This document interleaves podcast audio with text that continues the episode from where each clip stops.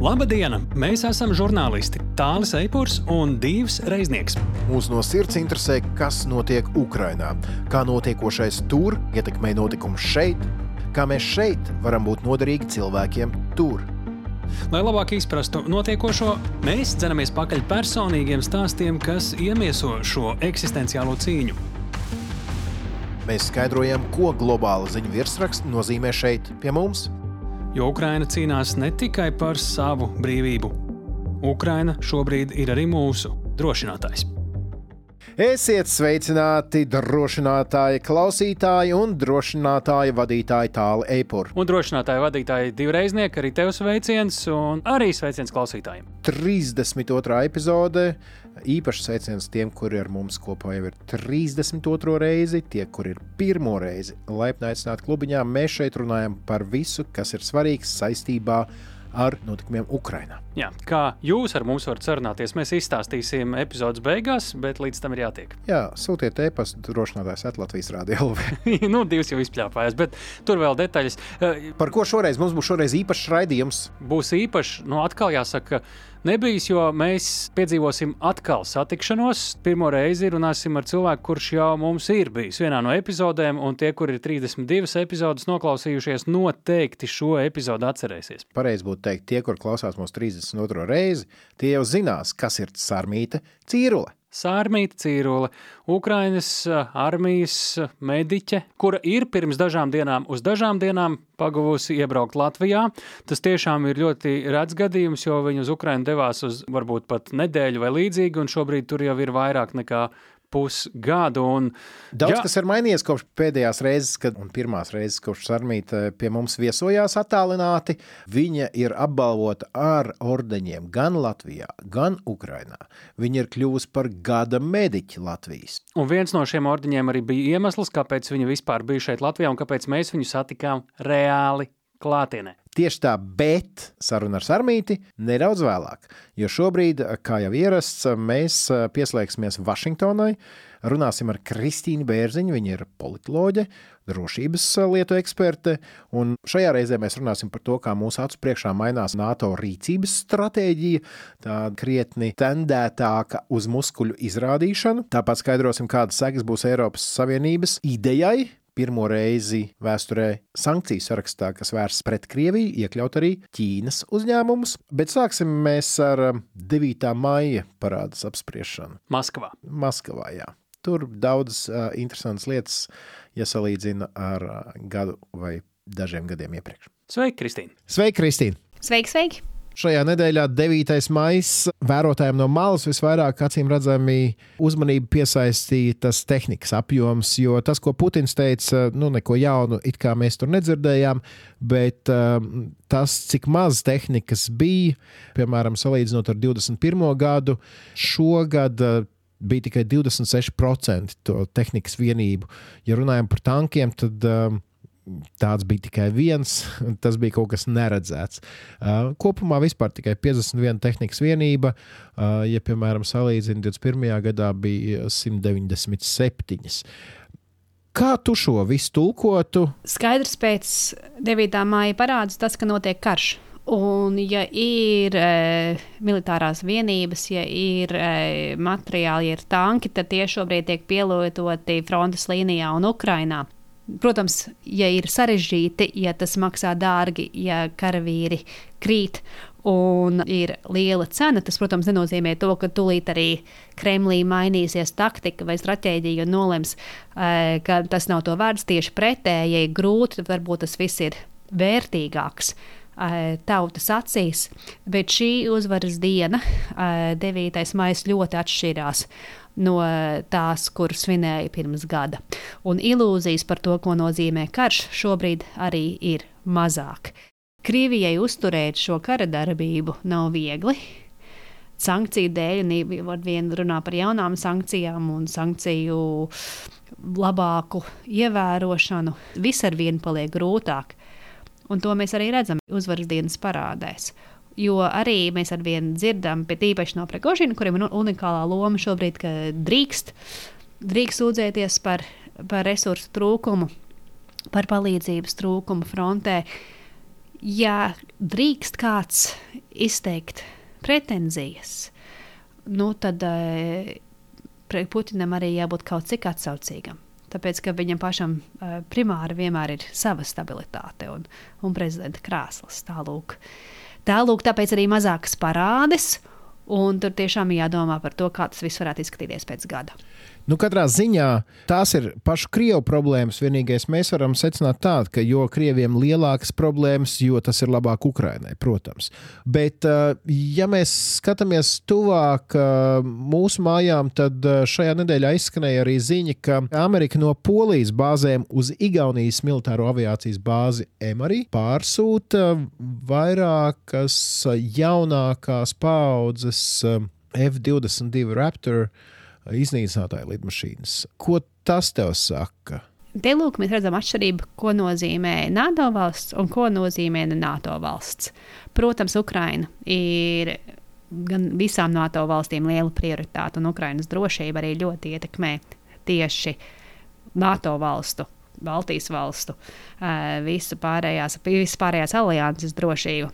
Tā, tas ir fakts, bet ASV nepārmet no Polijas uz Ukrajinu F-22 lidmašīnas vai pat daudz vecākās F-16 uh, lidmašīnas.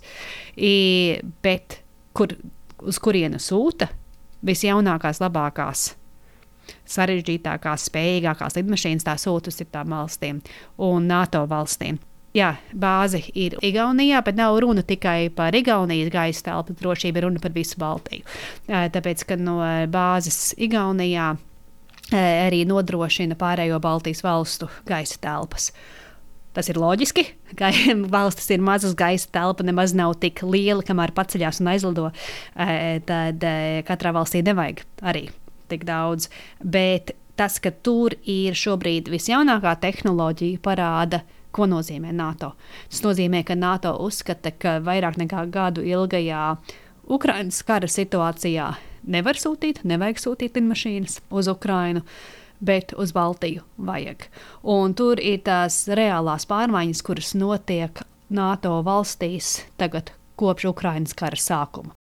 Reāli NATO mainās un paliek ar vien spējīgāka no pirmās minūtes aizsargāt visu NATO teritoriju. Tas nozīmē, ka Baltijas valstīs ir jābūt jaunākajām tehnoloģijām. Tāpēc, ka nevar gaidīt nedēļu kamēr no kaut kurienes citurienes atlidos. Es vienkārši atceros, uzreiz vien uh, New York Times rakstu pirms pāris mēnešiem, mm, uh, ko lasīju. Tur tieši runāja par to, ka patiesībā šis karš Ukrajinā maina NATO darbības stratēģiju. Jā, vairākās veidās strateģiskā domāšana ir mainījusies. Pirmkārt, īpaši Rietumē Eiropas valstīs bija liela skepse uh, agrāk, vai tad tiešām būs vecmodīgs karš ar tankiem Eiropā. Nu, skaidrs, ka dzīves realitāte ir mainījusies, un ir pavisam iespējams, ka tādi kari uh, varētu arī kādreiz notikt NATO teritorijā, un tāpēc vajag arī citu strateģisko pieeju. Iepriekš bija pieeja tāda. Uh, mēs atraidīsim uzbrukumus ar to domu, ja jūs kaut ko mēģināsiet, mēs pēc tam tik kārtīgi jūs asitīsim, ka tā būs bijusi kļūda. Bet eh, pēc bučas, pēc irpiņas ir skaidrs, ka nevienā valstī, nevienā sabiedrībā tas nebūs. Nu, ja runa ir par to, ka uzbrucējs varētu būt Krievija, un ja mēs tagad redzam, kā tas izskatās, kad Krievija kaut kur uzbruk, tad ir skaidrs, ka ne uz vienu minūti, ne uz vienu dienu nedrīkst pieļaut NATO teritorijai iekrist uzbrukt uzbrucēju Krievijas rokās. Tas nozīmē, ka nevis uh, jūs kaut ko pamēģināsiet, un mēs pēc tam jūs tā sasitīsim gabalos, ka tā būs bijusi kļūda, bet tagad jūs dabūsiet bliezienu uzreiz no pirmās minūtes tādu, un, uh, un otrkārt jūs nemaz netiksiet. Mēs jums nedosim iespēju, ja nemaz. Nebūs iespēja, nebūs iespēja nemaz iekļūt mūsu teritorijā. Bet, lai tā domāšana strādātu, tad ir nepieciešams, lai ir pareizais ekipējums un arī karavīru klātbūtne. Proti, šai NATO klātbūtnei ir jābūt redzamai, vai ne? Ārkārtīgi redzamai un paredzamai. Pirmkārt, ir, ir tas, ka mēs te esam. Jūs visi redzat, nu, publiski, piemēram, jā, tās F-22 lidmašīnas. Tas nav noslēpums, ka tās lidmašīnas ir un lido. Un, e, tāpēc arī parāda to, ka NATO klātbūtne ir īsta un pamatīga un nopietna. Un uh, ar to būs jārēķinās no pirmā mirkļa, un tāpēc tas vienkārši nebūs vērts no pirmā mirkļa pat mēģināt kaut ko iesākt. Tā ir tāda nu, garantija apmēram uzbrucējam, ka cena būs pārāk augsta. Ka tādas ilūzijas, kādas bija 24. februārī, ka dažās dienās ieņems, uh, ieņems Kijevu un, un uh, visi mērķi būs, būs sasniegti, ja skaidrs ir, cik liela jau tā cena no pirmā mirkļa būs, tad uh, nekādas tās nepareizās ilūzijas par uh, Krievijas ātrā veiksmi, ka tādas lai, pat no paša sākuma vienkārši nebūs, un ja tādu ilūziju nav, tad uh, iespēja, ka tiešām sāktos uzbrukums arī paliek ārkārtīgi maza. Un tas ir mērķis. Pēdējā tēma Eiropas komisijas jaunajā, nākamajā sankciju paketē varētu tikt iekļautas astoņas Ķīnas kompānijas, kas tā vai citādi ir um, komerciāli sadarbojušās ar Krieviju, pārdodot tai duāls nozīmes um, dažādas uh, iekārtas, uh, tātad, ko var izmantot arī militārajā sfērā. Ķīna jau, protams, ir paudusi savu sašutumu arī par šīm neoficiālajām ziņām. Igaunijas ārlietu ministrs jau ir nācis klajā, sakot, ka jebkuram, kurš palīdz Krievijai, ir jārēķinās ar sekām no Eiropas Savienības puses. Cik svarīgi ir šis, ņemot vērā, ka pirmo reizi Eiropas sankcijās pret Krieviju um, varētu tikt iesaistīta arī Ķīna caur tās uzņēmumiem ir ļoti svarīgi, ka parādās tās Ķīnas firmas, kuras materiāli palīdz Krievijai karadarbības veikšanā, ka tās parādās sankciju sarakstos. Tāpēc, ka par šo Eiropas Savienība ir jau brīdinājusi Ķīnu, ka tā nav joka lieta.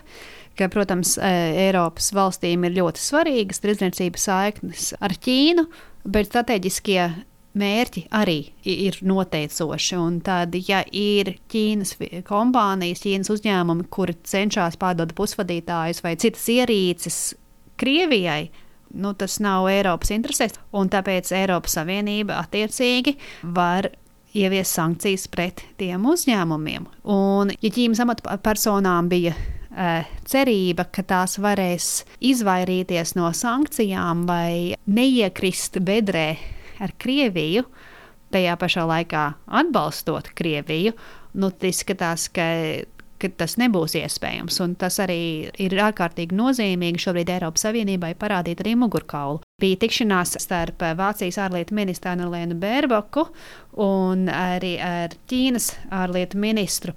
Un uh, bija runas tieši par šīm iespējamām sankcijām. Un Ja mēs spriežam pēc tā, ka arī Anelēna Beruka ir Eiropas ārlietu ministra ar visstiprākiem principiem un arī dušu un vēlmi izteikt savu neapmierinātību ar Ķīnas šī brīža draudzību ar Krieviju, tad tas, ka Bērboka arī ceļ jautājumu par sankcijām, parāda Eiropas uh, ārpolitikas un strateģisko nostāju, nevis tikai to, ka, piemēram, valsts kā Vācija, kur ir ārkārtīgi svarīgas tirdzniecības saiknes ar Ķīnu, ka tā varētu būt apmēram uzspirkta. Tāpēc parādīt to, ka sakas ir un sakas būs, ir ārkārtīgi svarīgi. Protams, visām dalībvalstīm ir jāpieņem. Sankcijas tas nemaz nav tik vienkārši, bet parādīt sekas un parādīt šo jautājumu nopietnību ir ārkārtīgi nozīmīgi. Labi, liels paldies Kristīnai uz sadzirdēšanos pēc nedēļas. Labi, līdz nākamnedēļai! Paldies, Dīva! Paldies, Kristīna! Protams, ka viss tādu kolorītāko uzmanību piesaistīja aizgājušās nedēļas laikā parāde Maskavā. Tas ir ārpus birojiem un ārpus ieroču noliktavām notikums, ko redz visi. Un es domāju, kas būtu, ja tur būtu daudz tanku tajā parādē. Man liekas, ka tīri iekšpolitiski Putins varētu dabūt diezgan lielu kurnēšanu. Apmēram, nu, kāpēc tanki ir sarkanajā laukumā, nevis tur, kur viņiem ir jābūt. Dabūja arī kurnēšanu par vienu tanku. Patiesībā viņš pats sevi ir uh, nolicis tādā situācijā, kur uh, nevienā variantā tā parāda neizskatās labi. Un es domāju, ka viņš to arī kaut kādā veidā jūt. Centās iziet ar to mazāko ļaunumu. Jā, bet, kā teica nu jau bijusī Somijas premjerministra, Krievijas šīs visas savas problēmas var atrisināt pati un ļoti ātri, vienkārši izjot ārā no Ukrainas. Tieši tā. It kā jā, bet nu, gan jau, ka iekšpolitiski Krievijā nekas tur vieglāks nekļūtu, bet tā nav mūsu sāpe. Jā, tieši tā. Tās ir viņa problēmas, lai viņi tās arī risina. Mēs nerisinām nekādas problēmas. Mēs satiekamies ar, nu, jau jāsaka, veciem draugiem tāli. Ja pirmo reizi tu sarmīti intervēji izmantojot mūsdienu tehnoloģijas, tad nu, beidzot tu ar viņu satikies vaigs vaigā. Ja? Tā arī bija. Sarmīta jau laikus, līdz ko viņai nāca skaidrība, ka viņai ir piešķirts viestura ordenis, kas ir augstākais militārais apbalvojums Latvijas Republikā. Viņa ļoti svārstījās, kā tad viņai rīkoties. Braukt, nebraukt pēc šī ordeņa uz Latviju. Kāpēc? To mēs uzzināsim arī nedaudz precīzāk, klausoties sarunu ar viņu. Tāpat arī mēs uzzināsim, kāds apbalvojums Sarmītei pavisam, pavisam nesen ir piešķirts un kuru viņa vērtē varbūt pat augstāk nekā Latvijā saņemto viestura ordeni. Tas apbalvojums ir, kā jau noprotam, Ukrainā. Nu, un jā, par to, ko tad pusgads strādājot reāli, pavisam netālu no pirmo līniju ierakumiem, viņai ir iemācījis. Un kā tad viņas rotas karavīri arī tā skaitā raugās uz gaidāmo pretuzbrukumu un tādā tiešā nozīmē arī uz savu dzīvību šajā laikā un brīdī. Nu, ko eh, pietiks mums te vāvuļot, klausamies, kas sakāms Sarmītai Cīrulai.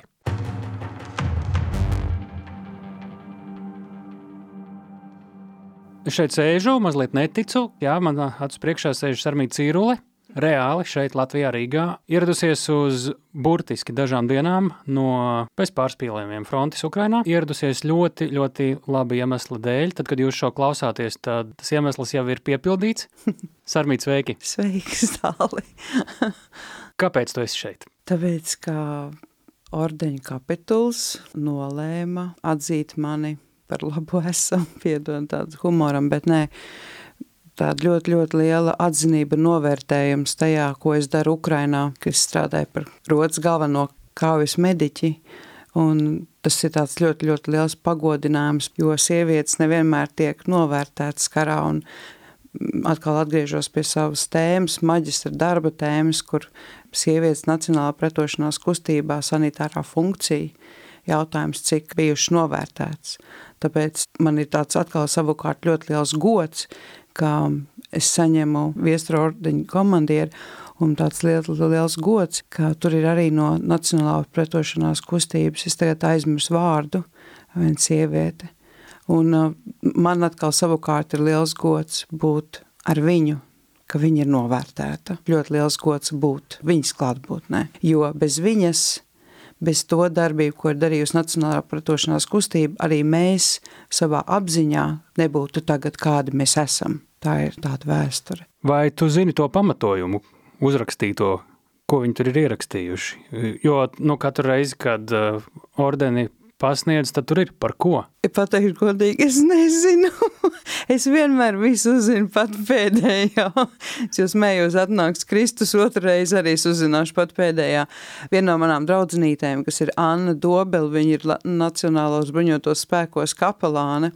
Mēs esam tādā mazā atbalsta čatiņā, un viņi atsūta apsveicu, un es nesaprotu, kas, kas tas ir, kas, no. kas, kas tas ir paskaidro. Labi, kā tas notika tad? Tas ir publicēts arī Latvijas vēstnesī. To viņa bija pamanījusi. Viņa bija pamanījusi, un, un es nezinu, patiesībā es pat neesmu pajautājusi kārtīgi, kā viņa to ir pamanījusi, bet tas bija no Latvijas vēstneša pārsūtīta ziņa. Tev neatnāca no ordeņa kapitula vai kaut kāda oficiāla, nezinu, vēstule vai zvans, ka būs ordenis, tev varbūt vajadzētu būt Latvijā, tev draugi pateica. Jā, to pateica draugi, bet pēc tam, protams, es saņēmu no ordeņa kapitula arī vēstuli, bet pirms tam jā, es saņēmu ordeņa kapitulu vēstuli, un es šokā es lasu, un es nesaprotu, kas tas ir, bet es zināju to, ka man jau Anna bija pateikusi, bet tur tāds īstā oficiāli, un, zināju, ārprāts, jo es esmu diezgan tāds vienkāršs cilvēks. Uh, bet te ir nu, ar visiem statūtiem un prezidents un ordeņa kapituls. Un, un man ir kā tāds jautājums, vai es esmu to pelnījusi, jo es aizbraucu palīdzēt cilvēkiem, bet nu, tad paldies, ka man novērtē. Tad vismaz nu, man nesaslēdzas, es atvainojos, man nesaslēdzas. Un tad bija tā, kad man sakontaktēja Dita Raiska, kas ir Latvijas māsu asociācijas prezidente, un tad viņi man jautā, vai man ir iespējas lasīt ēpastus, jo no ordeņa kapitula tev ir aizsūtījuši vēstuli. Nu, tā tu pasolītim tagad notici. Mēs šo runājam vēl pirms ordeņa piešķiršanas, Jā. dažas stundas. Dažas stundas, jā. Ko tu šobrīd par to domā, ko tas nozīmēs? es nezinu, ko domāt. Man galvenais vienmēr uztraukums, es tik kaut ko nesajaucu, ne tur apsēžos, ne tur piedziņos, ne tā paskatos. Man lielākais brīdis, piedod, es runāju apkārt, bet mans tas brīdis bija, kad es vakar aizgāju pie savām kora meitenēm. Man atbrīvojās viens sloks, un viņām bija kora mēģinājums. Tas ir tas brīdis, tas saviļņojums. Tas ir tas svarīgākais priekš manis. Viens ir tas, ko varbūt tās novērtē un iedod, bet otrs, kas ir man kā cilvēkam svarīgi. Piedzīvotais, jā. Es skatos, tev viens apbalvojums jau ir uz formu starpa, pietiekami Jā. iespaidīgs, un tam ir Ukrainas karoga krāsas. Pastāsti par to. Jā, tas bija tāds negaidīts pārsteigums patiesībā, lai neapvainojās ordeņa kapitols, bet šis man liekas pat ir svarīgāks kā viesturkrusts, jo es esmu Ukrainā un ir novērtējums no Ukrainas, novērtējums no mana bataljona, tas, ko es daru, jo arī vēl viena paramediķi, mēs abas divas saņēmām šo apbalvojumu. Šis ir, es oficiāli šodien izēju sabiedrībā, kā mans bataljona nosaukums ir Karpatskasič. Un šis ir krusts Karpatskasič krusts, kuru piešķir ļoti reti. Un, nu, cik reti? Maniem komandieriem nav tāds apbalvojums. Ne bataljona līmenī, ne manas rotas līmenī. Un tu saprati par ko? Ko tev teica? Man neteica, es varu pastāstīšu, man bija jābūt uz evakuācijas mašīnām, un es runāju ar savu komandieri, un viņš tā, ā, tu brauc rītdien, nu labi, sazvanos ar bataljona galveno mediķi, cikos man savāks. Viņš saka, kā tu nebrauksi, tāpēc, ka tavs komandieris teica, ka tu nebrauks, kā nebrauks. Es tikko ar viņu runāju, viņš saka, man viņš pirms pāris stundām teica, ka tu nebrauks. Un tanī dienā bija arī man dzimšanas diena. 27. aprīlis, un es cilvēks nesaprotu, domāju, varbūt esmu izdarījusi kļūdu, ka man vairs neļauj uz evakuācijas mašīnām, kaut ko esmu nepareizi izdarījusi. Es to visu naganreiz nevarēju gulēt, jo es nesaprotu, kāpēc man komandieris neļauj uz evakuācijas mašīnām. Nu, mazums pēc uzbrukums sāks, vienalga. Nu. Nē, tad vēl vairāk man tur ir jābūt. nu, nu jā, bet tu vienkārši neziņa. Un galvenais, ka jāzīst pat baidījos tiem tiešām pajautāt, jo, zin kā, nu saskarās ar to realitāti. Un nākamā dienā bija sapulce, instruktāži, jo puiši dodās uz ierakumiem. Un bija pasaukta arī paramediķe. Viņa, kā saka, mani aizstāja tagad mazliet, jo viņi nav mediķi, viņi ir paramediķi un medicīnas nu, jautājumus viņi varbūt nezina. Un uh, mēs esam tajā sapulcē, un es redzu, ka viņiem ir sešas tulpes. Nē, nu labi, man tā dienā ir dzimšanas diena, un man cilvēki arī ļoti daudz ziedu sanesa. Un viņš tagad izsauc to paramediķi, un iedod medaļu, un es jau vēl joprojām nesaprotu. Un tad izsauc mani, un, protams, visi aplaudē un priecīgi. Un, un tu joprojām domā, ka dzimšanas diena. Un es joprojām domāju, ka dzimšanas diena, jo, ne, es saprotu ukraiņu valodu, bet, nu, katram ir savs akcents, un, bet es, tad, tad es sapratu, ka, laikam, man arī, bet es nesapratu, domāju, varbūt man sežana pakāp piešķir, un tad um, šo krustu, un tāds, wow, tas bija tāds apbalvojums, ko es saprotu, kad mani novērtēja bataljonu līmenī, ka tas, neteikšu upuris, bet tās lielās sarežģītības, ko es esmu ieviesusi un mainījusi bataljonā, arī, sapcīt, tagad arī medicīnas bataljona līmenī ir dažas lietas, kas mainās, bet īpaši savā rotā, kur karavīri iesākumā, nē, nē, nē, protestē, man bija ļoti, ļoti, ļoti grūti. Pirmie divi mēneši bija vienkārši, dažbrīd viss brauc mājās, bet nē, es nepadošos. Tad tagad viņi to novērtē, un man vispār kādas konflikta situācijas vairs nav. Tas nozīmē, ka brīdī, kad tu uzzināji par viestura ordeni, tu vēl nezināji, ka tev būs šis Karpatskī sīča balvojums. Nē, es nezināju. Tad tev ir pēdējo dažu nedēļu laikā divi lieli patīkami pārsteigumi. Nu, es vēl mēģinu sagramot um, gada cilvēks medicīnā. Latvijas. Man, man nav, nu, ka tur medaļas un apbalvojumi. Kā es saku, es negribēju braukt uz Latviju, jo rota paliek bez manis, Tagad es esmu Latvijā, tur uz evakuācijas mašīnām kolēģis. Mums ir divi paramediķi, divi šoferi un viens mediķis. Viņš katru dienu dežurē, kamēr es esmu šeit. Tas nozīmē, ka nu, viņam nav tāds attālpas brīdis. Man es runāju ar saviem komandieriem, un viņi saredzēja, ka tas ir ļoti, ļoti liels gods. Man liekas, ka viņi to vairāk saprata nekā es. Nu, re, un te mēs nonākam pie pēdējā ordeņa eh, stāsta punkta, tavs ceļš uz Latviju un droši vien arī to daļu atpakaļ. Ko tas nozīmē? Jo tu esi oficiāli armijā, Jā. tas nav tik vienkārši. Kāpēc un kā tas notika? Jā, mēs meklējām dažādas risinājumus, ko varētu darīt, lai es varu uz Latviju atbraukt. Kāpēc tas nav tik vienkārši? Tāpēc, kad es esmu Ukraiņas armijā, te ko arestēt uz robežas, ja tu Jā, un, un man ir- izmest no vienības, ja tu pateiktu, es braucu? Nē, man vienkārši cietumā ielikt par dezertēšanu. Reāli. Reāli. Bet nē, tāpēc man bija jālauž līgums, jo nu, es esmu no ārzemēm Ukrainas armijā. Un bija doma, ka varbūt tās arī var uztaisīt kā komandējumā, bet tik un tā ir bijušas problēmas. Ja es būtu Ukrainas pilsone, tad man ir ļaut pār robežai, ja es esmu ārzemnieks, tad arī ar komandējumu papīriem man var būt problēmas. Tāpēc uh, uz doto momentu es esmu armijā, bet arī pat laikā sanāk, nu, kad es neesmu Uz brīdi. uz brīdi, bet es esmu vēl joprojām militāra persona, bet man nav līgums ar, ar armiju. Tad, kad es izlasīju vēstuli, protams, es, man prioritāte ir būt karā, man prioritāte ir būt ar saviem rotas karavīriem. Un vairākas reizes mums tāda saraksta bija, vai tiešām man ir jāierodās, ko var darīt, lai, nu, es varu neierasties. Un tad es uzrakstīju pa punktiem, lai saprotu to, ka tas nav, es vienkārši ierodos. Es atbraucu pēc medaļas. Nu, lai viņi saprot šeit, ka tas nav Jā, tā vienkārši. Tas nav vienkārši. Nu, labi, tas un? ir 5000 km kopā garš ceļš. Tad es domāju, arī nu, man bija tas būtu finansiāli arī jautājums. Es kā naivs cilvēks. Meklēju lidojumus Kijava, Rīga. Reklāmā es redzu, ka ir, bet tajos konkrētos datojumos lidojumu nav. Es domāju, nu kā tad tā, nu nav ne trīs dienas atpakaļ. Pēc tam es domāju, nē, nu es taču esmu. telpa ir tomēr slēgta. Nu, bet to es taču esmu karā. Nu, jā, tā muļķīgi.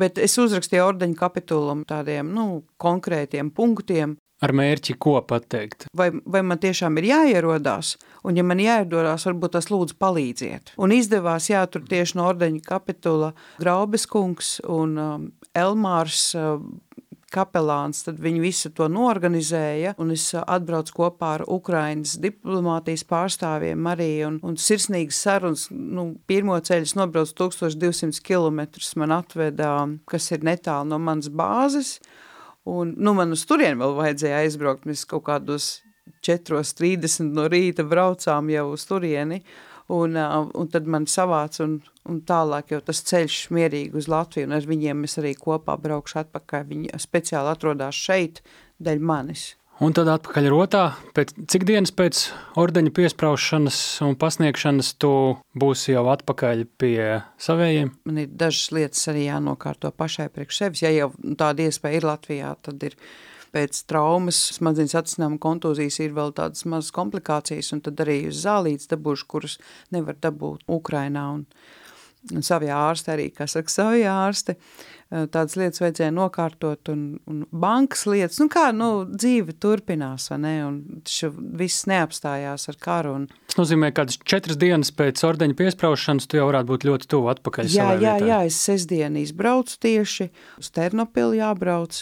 To vārdu var droši pieminēt, tur mēs ārzemnieki braucam, un tas ir visiem zināms, ka tur kārto dokuments, un tad jau es dodos uz savu rotu. Nu, paies kaut kādas savas 4-5 dienas.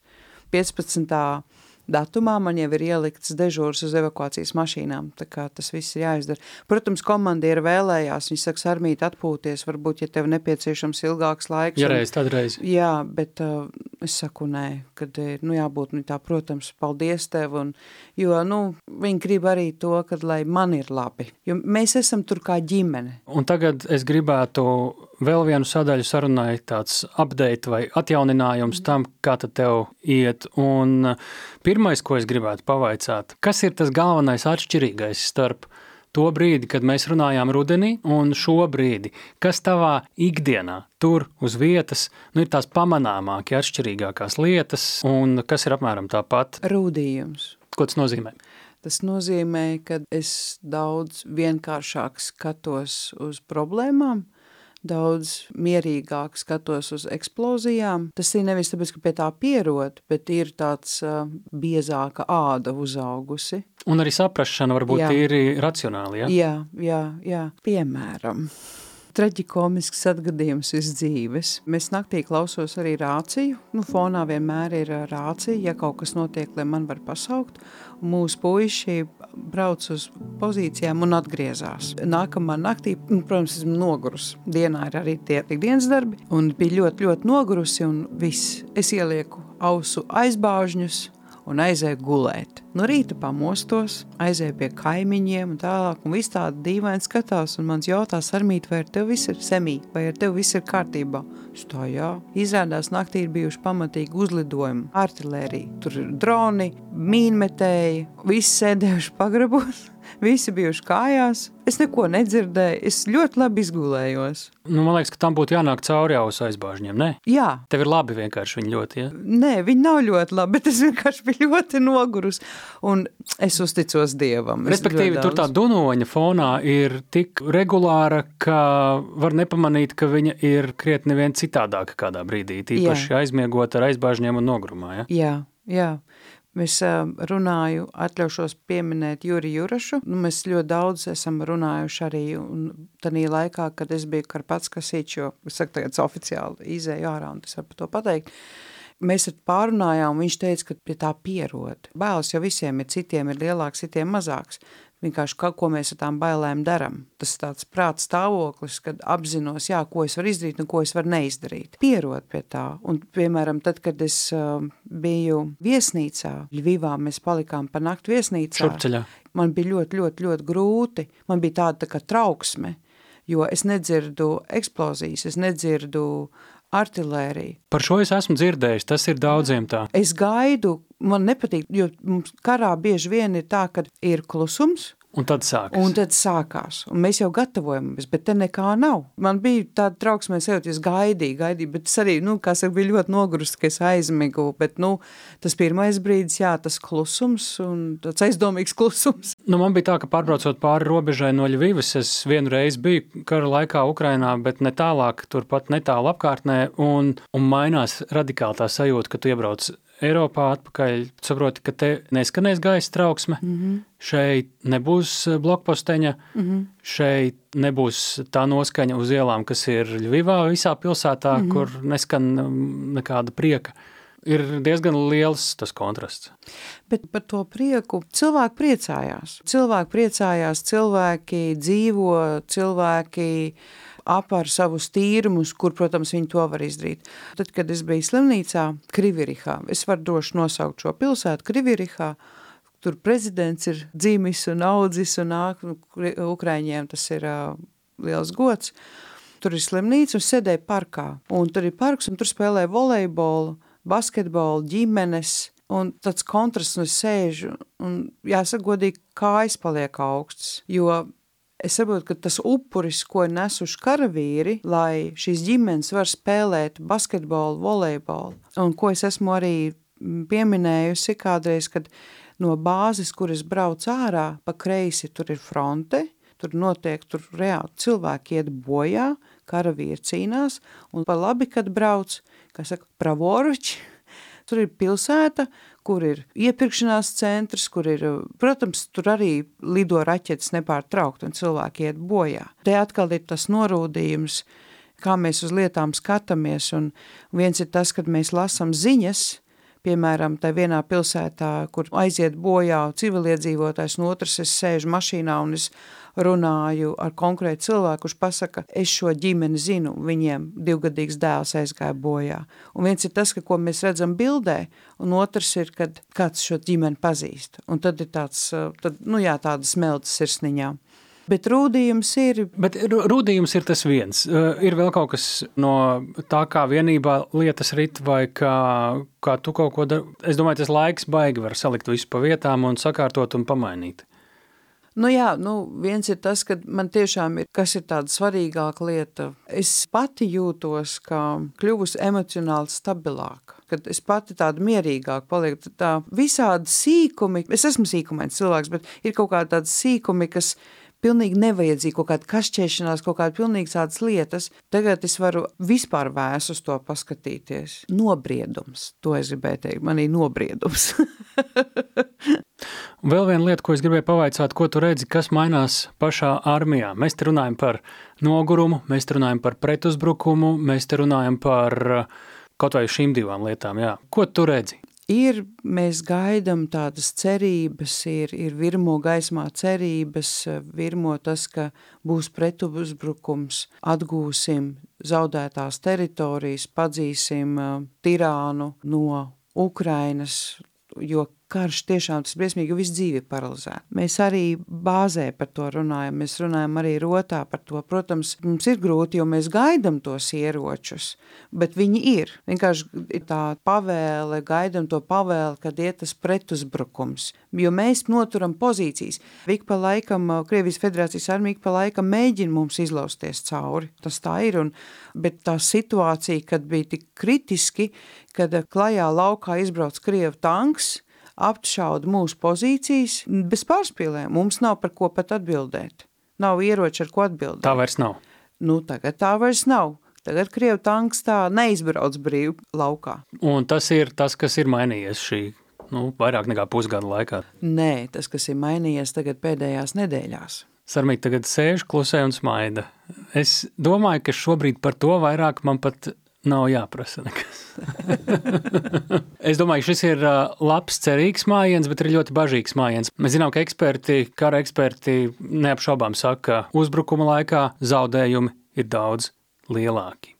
Es nezinu, cik es daudz varu teikt un cik nevaru teikt, bet nu, Nu, es esmu austrumu frontē, un ļoti, ļoti, ļoti tālu nav no manas Bahmuta. Un tas ir reāli, kur notiek cīņas visu laiku, kur notiek cīņas deviņus mēnešus, un Bahmuta netiek zaudēta. Un solidāri, piemēram, kur slimnīcās ļoti daudz ukraiņu karavīri, un tas ir tāda iespēja palīdzēt. Es pat nezinu par Krievijas federācijas armijas karavīriem, cik viņiem tur ir iespēja medicīnas, kā medi, mediķi runāja. Bet ir tas, ka tās robežas tiek noturētas Un tad, protams, ir, var, lai nav tā viltus cerība, ka nu, tagad būs glābšana, tagad būs mesija, mēs tagad vinnēsim visu, jā. Par to ir tāds, ka Ukraiņi saka, mēs priecājamies, mēs gaidam, bet mēs ar vēsu prātu. Es gribēju to pretuzbrukumu tieši, nu, ja nevis noskaidrot, kā viņš notiks, bet ar ko tu rēķinies pati savā darbā. Jo tas tiešām, un diemžēl, var nozīmēt krietni vairāk cietušo un upuru. Ir atšķirība, kad mūsu karavīri tiek ar droniem vai tankiem sašauti, un viņi atrodas pozīcijās un mēģina noturēt šos ierakumus, šīs pozīcijas, un otrs, kad karavīrs var tikt nogalināts ejot pretuzbrukumā. Tad arī karavīram ir tāda, nu, tas lielāks prieks, ja var tā teikt. Es nezinu, kā to pareizi pateikt, jo tāda tā kā nolemtība citreiz viņos ir tāda kā nolemtība, tu mēs runājam, jo, viņi, jo mēs jau arī ļoti daudz nesaprotam to lielo karti, kā tur tā situācija ir. Mēs redzam tikai to mazo punktiņu, bet mēs saprotam to, ka visa fronte ir vienā līnijā, un mēs nedrīkstam izrauties uz priekšu vai izrauties atpakaļ, jo tur draud aplenkums, un tas jau atkal tad izjauc visu to robežu, un mēs kā mazā punktiņā esam, mēs sēžam ierakumos, un mūs nogalina, vai mēs varonīgi noturam, kad mums uzbruk, un tad ir tas prieks, un ā, kā viņi tur dabūja Krievi. Jā, nu, nopietni, tad tā, viņiem atkal tāda paceļās tāda morāle, sajūta, kad ir vērts cīnīties. Tad kā tu rakstot to sajūtu, kas ir šobrīd karavīriem? Tas es pieļauju varbūt reizē gan, tā varbūt pēdējā reize, pirms pretuzbrukuma, kad mēs redzamies, tā varbūt tā ir milzu motivācija, vai tās tomēr ir arī bailes, kā viņi sakārto tās savas lietas, lai būtu gatavi. Arī tu pati sev, jo mediķiem vajag būt pietiekami tuvu tam visam, jo, ja viņi ir 300 km attālumā, tad viņi, ir, nu, viņi tur nav. Mēs esam tā gatavojušies un gatavojamies, un man ir tāda tāda priekšnojauta, bet es um, pateikšu godīgi, es negatavojos tam sliktākajam scenārijam. Mēs gatavojamies tam, kad būs aktīvāka darbība, saliekam materiālus un arī mūsu dežūras līdz ar to šim laikam jau ir salikt savādākas. Mēs esam daudz, daudz gatavāki. Karavīri, viņiem arī ir tās gaidas, kad viņi beidzot, jo tur ir dažādas emocijas, ir kuriem ir naids, ir kuriem dusmas ir, ir kuriem ir atriebība, katram ir tā sava motivācija un tā doma iet uz priekšu, un nu, ir jābrīvo mājas, beidzot pietiek, jo viņiem ir, jo, ne, viņiem ir dusmas, karavīriem ir ļoti, ļoti liels dusmas, kas te ir manā zemē, pa manu zemi, es sēžu ierakumos un neteikšu vārdu, kā viņi nosauca Krievijas federācijas karavīru, un viņš brīvi tā kā kungs staigā gar manām pozīcijām, un es neko nevaru darīt. Jo tāda ir šobrīd pavēle un stratēģija un taktika. Jā, mūsu uzdevums ir noturēt pozīciju, tad, kad uzbrūk to atsist. Cik tālu tu patiesi gatavi iet un riskēt tajā brīdī, kad uh, un ja kaut kas sāka būtiski mainīties un kustēties? Hmm. Nu, dzīvai vajadzētu atgriezties. Man pat uh, pateica, ka es būšu krustmāmiņa. Un tas ir tāds mazs spiediens. Un viņi saka, Sarmīt, atceries to, ka tevi gaida. Es zinu, ka man gaida, bet nu, es savu rotu nepametīšu. To es nevaru izdarīt. Es nezinu. Bet es zinu to, ka man kā cilvēkam, kas tic svētē trīsvienībai, es varu noteikti pateikt, ka liels paldies cilvēkiem, kas par mums aizlūdz, jo tur tiešām var redzēt, ir bijušas situācijas, kur, nu, savādāk nevar, ka tur ir tiešām Dieva aizsardzība bijusi. Tāpēc nu, man tā cerība, ka nekas ļauns nenotiks, sliktākā gadījumā ievainojams kāds, ja, bet, nu, dzīve un veseli atgriežos Latvijā. Kā tu šobrīd jūties te, Rīgā? Man ir grūtāk, man ir vieglāk. Es esmu tik ļoti pieradusi karā, tik ļoti pieradusi būt ar karavīriem tajā situācijā. Bet nē, nē, nē, es ierados savā dzīvoklītī un tāds, ah, oh, cik te ir tīrs. te nav putekļu mākoņi. Nē, ir tur jāuzkopja kā savu semnieciskā būtību jāsavet kārtībā, bet... Um, protams, miers un tāds, ah, tāda miera osta, vienīgi tas, kad jāskrien tur, tur, tur, tur, un tad grūtāk pamost. Nē, viss kārtībā. Sarmīt, mēs laikam nejautāsim šoreiz to, ko mēs vienmēr visiem pajautājam sarunas beigās par novēlējumu. Man liekas, te katram ir diezgan skaidrs, ko tev novēlēt, pat ja tās ir dažādas lietas, un mēs tev sakām lielu, lielu paldies, ka tu turpini tur būt, Un tas, es domāju, daudziem arī iedod spēku, iedod ticību un arī motivāciju palīdzēt tā skaitā. Jā, es atkārtoju un es esmu teikusi ļoti, ļoti lielu paldies, ka nu, Latvijas tauta dod dažādu veidu atbalstu, vai tas ir ar droniem, vai tas ir ar, piemēram, ziltām zeķēm, kas bija, un tur kondensēto pienu, piemēram, Ukraiņiem, viņiem ļoti, ļoti garšo mūsu maizīt, viņiem ļoti, ļoti garšo mūsu produkcija. Mums ir kvalitatīva, mēs varbūt paši to nenovērtējam un nesaprotam. Katrā gadījumā ir reizes, kad es jūtos ļoti lutināta. Un tur jāpateicas arī tiem cilvēkiem, kuri darbojas ar latviešu karavīru, mediķu un pārējo, kas ir frontē vai piefrontē apgādāšanu. Mēs ar viņiem esam runājuši, Jā. tā kā mēs to pusi mūsu podkāstu klausītāji ir iepazinuši. Vēlreiz liels paldies tev, mm -hmm. Sarmīt! Paldies ar svētību! Paldies Sarmītai! Tā bija Sarmīta Cīrule, tātad Latvijas gada mediķe, kur uh, pēdējo mm, pusgadu ir eh, nostrādājusi Ukraiņas frontē. Un paldies arī tev, protams, tāli. Man, man ir patiesībā prieks, ka viņas komandieri Sarmīti atriec uz Latviju. Vajadzēja nedaudz nomainīt skatu aiz loga, bet nu jau viņi ir atpakaļ frontē, un mēs no visdziļākās sirds novēlam drošību. Jebkurā gadījumā viņi ir atpakaļ šobrīd frontē. Viņa atpakaļ tur bija, man liekas, es viņai pajautāju, nu, cik tad dienas paies. Burtiski pēc četrām dienām, man liekas, jau viņi bija tur, kur dzird visus šāvienus. Katrā ziņā mēs viņai novēlam, lai viņa būtu drošībā, lai viņa būtu pasargāta, lai viņai ir laba veselība un lai viņa varētu redzēt savus krustbērnus un atgriezties Latvijā. Un, un pēc tam gal galā dalīties ar šo pieredzi, kāda droši vien nav nevienam no Latvijas mediķiem šobrīd. Pavisam noteikti. Un to, ko viņa pēc tam atrakstīja, ka viņa izrādās ir pirmā civilā mediķe Latvijā, kas ir saņēmusi viestura ordeni, kas nav civilais apbalvojums. Aha. Sanāk tā, ka Ukrainā, starp citu, viņa ir militāra persona, Latvijā viņa nav militāra persona. Līdz ar to viņa ir pirmā civila persona, kas to ir saņēmusi. Bet kas ir interesanti, viņa savu medaļu saņēma nevis civilajā apģērbā, bet uh, formas starpā. Jā, un uz tā formas starpā mēs jau sarunā dzirdējām, ir šis Ukraiņas apbalvojums. Nu, un, uh, jā, tikko, tikko, burtiski nu, dažas minūtes pirms šī ieraksta pats Armīte arī atrakstīja viņa tādiem saviem tuvākajiem kontaktiem, dažs tad iedot kādu nelielu apkārtrakstiņu. Es nu, pēc tā teksta redzu, ka tas nav tieši man, ka tas ir kā viņai iet vienkārši. Un, nu, tur bija rakstīts, ka šobrīd Krievu agresoru lādiņi lidojot nu, burtiski tā, ka dažus vai vairākus simtus metru no vietām, kuras armītei sanāk regulāri uzturēties, un viņi saka, nu vēl tā piebilst, nu, tas jau tālu, tā ka bez stresa. Oh.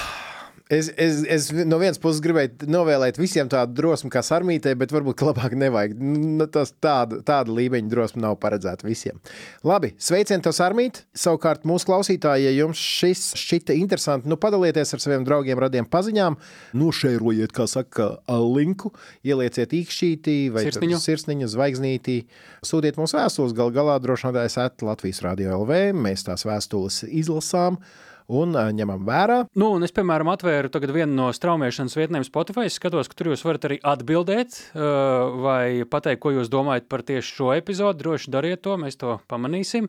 Un es, man ir sajūta, ka divas nojaušu arī par ko būs nākamā epizode. Nu, es mēģināju tā uz tādas pozitīvās notas beigt mūsu šīs nedēļas raidierakstu. Nākamajā epizodē mums būs saruna ar vienu no tiem cilvēkiem, kuri šobrīd Ukrainā vietās, kur karošana ir bijusi, vai nu patās, nu patās ir bijusi, viņi meklē kritušos karavīrus, kuri nav kaujas laiku, kā izvest no kaujas lauka. Nu, ir kaut kādā veidā pagaidu apbedīti vai līdzīgi. Ja? Jā, ir, ir apbedīti, ir suņa sagrausti, ir, ir vienkārši ļoti, ļoti seklās kapu vietās aprakti. Jā, tiek meklēti visi pēc kārtas, kas ir krituši. Ukraiņi, krievi nav svarīgi, jo tāpēc, ka krievu mirstīgās atliekas var tikt izmantotas apmaiņai ar Krieviju. Proti, tu vari dabūt atpakaļ Ukraiņu karavīru mirstīgās atliekas. Katrā ziņā ļoti gara saruna, tāda nu, pasmaga saruna, bet, manuprāt, ļoti, ļoti, ļoti, ļoti, ļoti svarīga saruna, lai saprastu to realitāti, kas šobrīd notiek Ukrajinā. Nu, un, protams, sarunā arī tie cilvēki, kuri paši to dara, saruna arī par to, kā viņi to redz uh, savām acīm, reāli paši ar to nodarbojoties. Tieši tā, bet tas mūsu nākamajā epizodē. Nu jā, un šajā kontekstā nav lieki piebilst, ka drošinātājs tas ir skaidri un personīgi par karu Ukrajinā.